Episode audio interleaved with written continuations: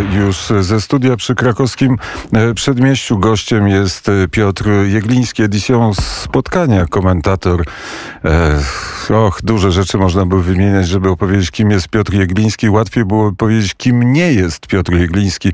Na pewno Piotr Jegliński nie jest, nie jest miłośnikiem ściętych drzew. Tak, zgadza się. E, I to, e, i to się Wolę udało. żywą przyrodę. O życiu i śmierci trochę będziemy e, dzisiaj rozmawiać, bo właściwie prosto z uroczystości pogrzebowych Juliana Kulskiego przyjechał pan do naszego studia. Kim był Julian Kulski? No, Julian Kulski był przede wszystkim nietuzinkową postacią.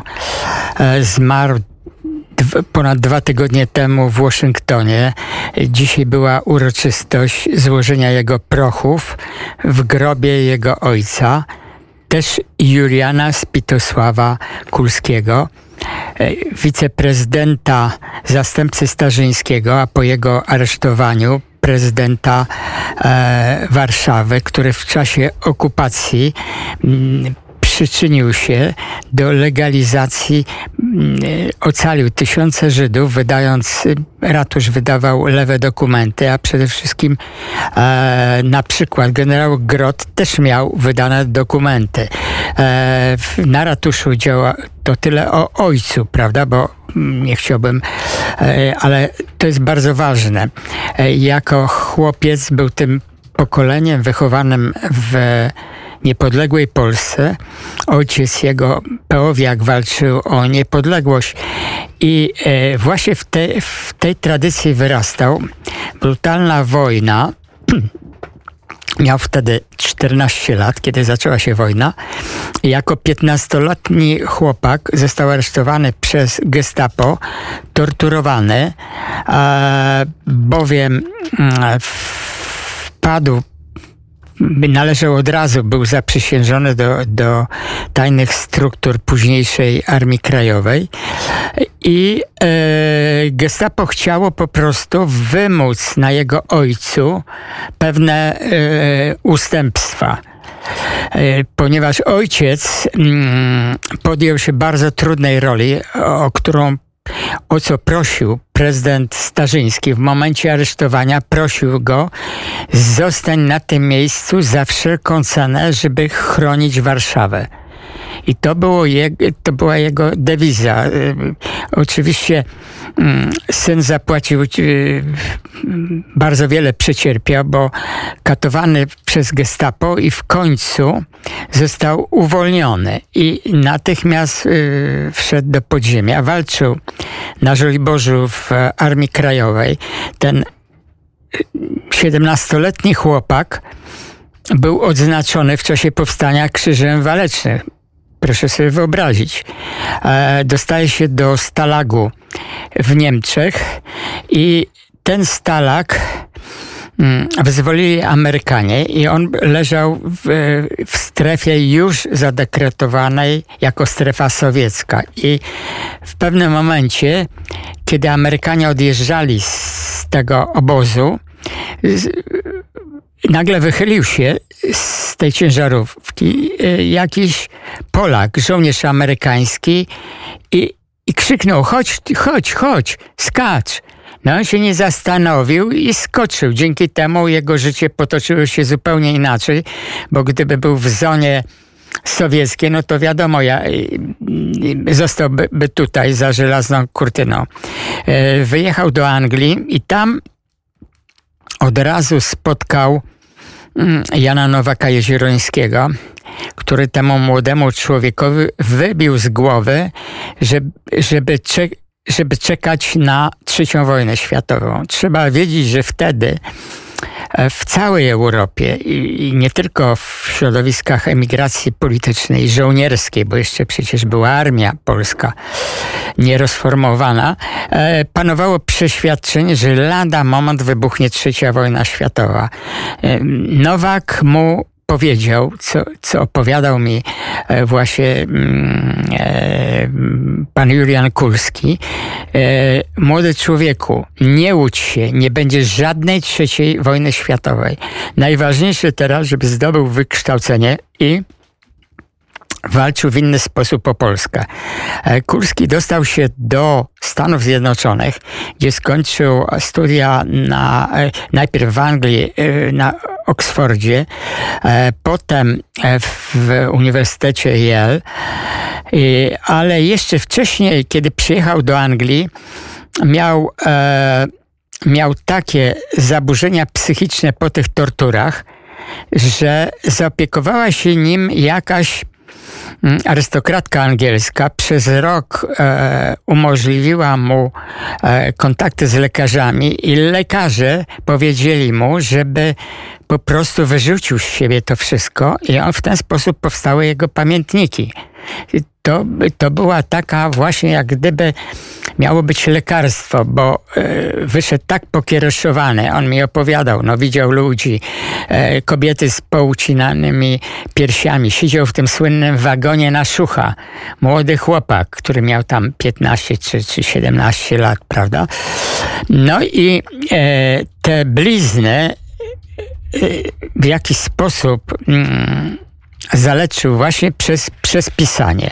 Kiedy się dostał do Anglii, skończył te najlepsze studia, skończył architekturę i pracował, a, e, robił różne projekty na terenie Stanów Zjednoczonych. Jego życie to była też realizacja jego marzeń i mm, był też e, e, z, z, ramienia, robił projekty z ramienia Banku Światowego, jeździł po, po całym świecie, no ale przede wszystkim myślał o Polsce i działał w różnych strukturach e, na emigracji, mając ścisły kontakt z takimi postaciami, czy jak Zbigniew Brzeziński, czy Jan Nowak-Jeziorański. Mm, potem, kiedy w latach 60. jako wysłannik Banku e, Światowego przyjechał do Polski z jakąś misją. E, I e, no dużo na ten temat opowiadał.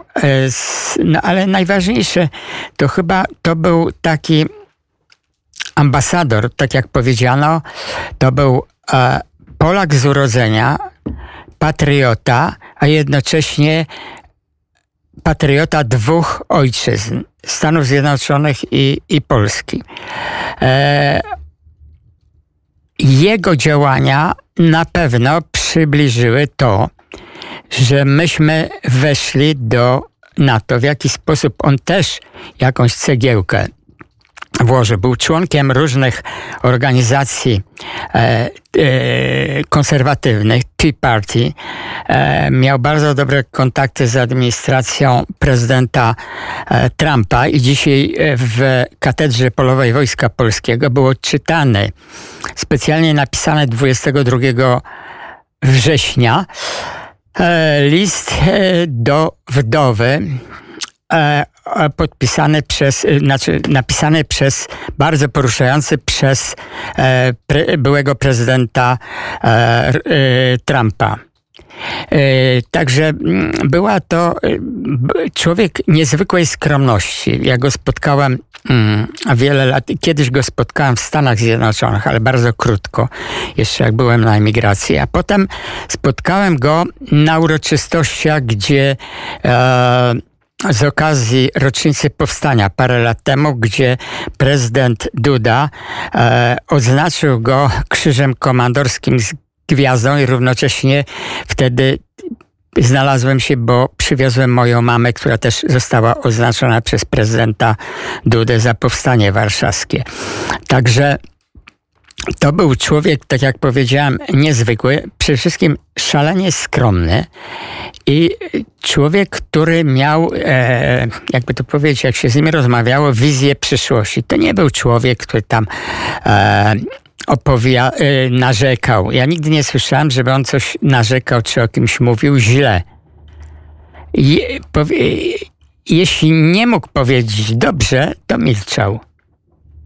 I e, to go wyróżniało, mm, no jak się zestawi, no był, był człowiekiem, był człowiekiem, ktoś powiedział właśnie nad jego grobem, że był człowiekiem, który miał wielkie zadatki na męża stanu. Przede wszystkim postawny, bardzo przystojny mężczyzna. On budził już swoim wyglądem respekt o ogromnej wiedzy i możliwościach. Także e, ostatnie lata, kiedy był na emeryturze, ostatnie 10-15 lat, on w zasadzie e, co roku tu przyjeżdżał na z żoną, Catherine, na e, Amerykanką. Przyjeżdżał na pół roku i tutaj zawsze był na festiwalu Arka Gołębieskiego w Gdyni. Można było zawsze jego taką żołnierską sylwetkę podziwiać. Wtedy miał już pod dziewięćdziesiątkę. Także e, był obecny i dla wielu ludzi to dzisiaj podkreślali, że to jest po prostu nie, niewyobrażalne, że on e, odszedł od nas. E, ostatni, niestety nie mógł zrealizować swoich marzeń, żeby być obecnym przy odsłonięciu pomnika dwóch prezydentów. E, no, różne kłody rzucano, mu pod nogi e, administracja, miasto, a to rury, a to przewody. Nie można było. To miało być e, otwarte na przyjazd prezydenta Trumpa i nawet e, e, dowiedziałem się od pana Juliana, tak mimochodem, że mm, prezydent Trump wie i jeżeli ten pomnik będzie już stał, to go odsłoni. No niestety tak się nie stało, bo różne rodzime mm, tutaj niesnaski e, spowodowały, że ten pomnik e, trzeba było od nowa e, uzyskiwać zgody, ale jest, on był zawsze jeszcze, trzeba powiedzieć, optymistą. I optymistycznie e, ten optymizm mm, doprowadził, że jego współpracownicy dopięli swego i w sobotę o godzinie 13 przy e, u podnóża Zamku Królewskiego od strony Wisłostrady będzie uroczyste odsłonięcie pomnika dwóch prezydentów. Prezydenta Starzyńskiego i jego alter ego e, Juliusza Spitosława Kulskiego. Także to będzie taka jakby klamra zamykająca życie tych dwóch ludzi. O Julianie Kulskim e, mówi, opowiada Piotr Jegliński w popołudniu wnet. Jeszcze trzeba dodać, że pan świętej pamięci Julian Kulski został pośmiertnie awansowany na stopień e, pułkownika. Tak, no to bardzo ładny, bardzo ładny gest. E, w, w katedrze zgromadzili się jego przyjaciele i bardzo wiele osób byli jego przyjaciele, którzy przylecieli specjalnie ze Stanów Zjednoczonych. No i on jest takim właściwie symbolem pozytywnego działania w stosunkach polsko-amerykańskich. I przy okazji refleksja, że mało wiemy e, na temat e, bohaterów, którzy zamieszkali poza granicami Polski Ludowej, na temat tego, co działo się w Londynie, co działo się w Waszyngtonie, co działo się w Paryżu, wtedy, kiedy e, Polska była pod sowiecką dominacją. Tak, no ja, ja szczególnie boleję, bo czasami są jakieś uroczystości, czy rocznice Solidarności, czy, czy, czy, e, czy czerwca i tak dalej dalej. I w ogóle nie pada ani jedno słowo w tych przemówieniach, e, od przemówień najwyższych naszych czynników politycznych do, do tych niższych, nie pada słowo emigracja polityczna. Gdyby nie ta emigracja polityczna, jestem pewien, że e, oprócz tego, że mieliśmy polskiego papieża, nie byłoby społeczeństwo przygotowane na tą zmianę. Y, ta pomoc to były przez te lata no, ogromne sumy finansowe zbierane przez Polaków i oni e, bardzo często interweniowali u rządów krajów, w których mieszkali. Dzięki temu e, były różnego typu inwestycje. E, dzisiaj można powiedzieć, że dzięki Janowi Pawłowi on namówił Anielego do inwestowania w Polsce. Przecież przypomnijmy sobie, że Włochy na przykład były pierwszym inwestorem zaraz po tych zmianach. To samo Francuzi. I, I ten wkład nie został w ogóle doceniony. I ja jestem pewien, że gdyby nie tacy ludzie jak e, Julian Kulski, czy Jan Nowak-Jeziorański, nasze wejście do NATO na pewno by przebiegało inaczej i nie wiadomo, czy nawet do niego by doszło. A jeszcze jest wiedza, którą posiadali Polacy mieszkający za granicą po rozmaitych politechnikach i uniwersytetach, z której nie skorzystano po 1989 roku, a właściwie wykluczono tych, którzy e, tam wiedzieli i byli chętni do tego, żeby pracować dla Polski. E, ich tutaj nie wpuszczono i nie dopuszczono ich wiedzy, bo, bo nie byli stąd. Tak, e, chcę tylko powiedzieć, e, kiedy myśmy wrócili do Polski, to był 90 rok, zaraz potem weszła ustawa, która nas pozbawiła części praw obywatelskich, tak zwana zasada domicylu. Czyli e, w wyborach mógł e, brać udział każdy Polak, który przez ostatnie pięć lat mieszkał na terenie e, e, Rzeczypospolitej. To automatycznie wykluczyło całą emigrację polityczną. E, tak, e, tak było, ale teraz przez chwilę porozmawiajmy o tym, co jest, bo pewno e, obserwujesz te wszystkie zdarzenia, które dotyczą Polski, które płyną z Brukseli, ze Strasburga, czy z innych miejsc, w których urzędnicy czy politycy Unii Europejskiej mają głos. I co o tym sądzi Piotr Jegliński? No, co sądzę? No. Powiem szczerze, że e, nie, nie nastraja mnie to optymistycznie. Oczywiście łatwo mówić, e, że czegoś nie zrobiono, że coś zrobiono nie tak i tak dalej, ale zacznijmy od służby dyplomatycznej. E, z tym jest bardzo źle. Kandydaci na ambasadorów są do często nominowani zupełnie od przypadku do przypadku. E, nie dopuszcza się ludzi, którzy mogliby coś dla Polski zrobić w tej dziedzinie. No, e,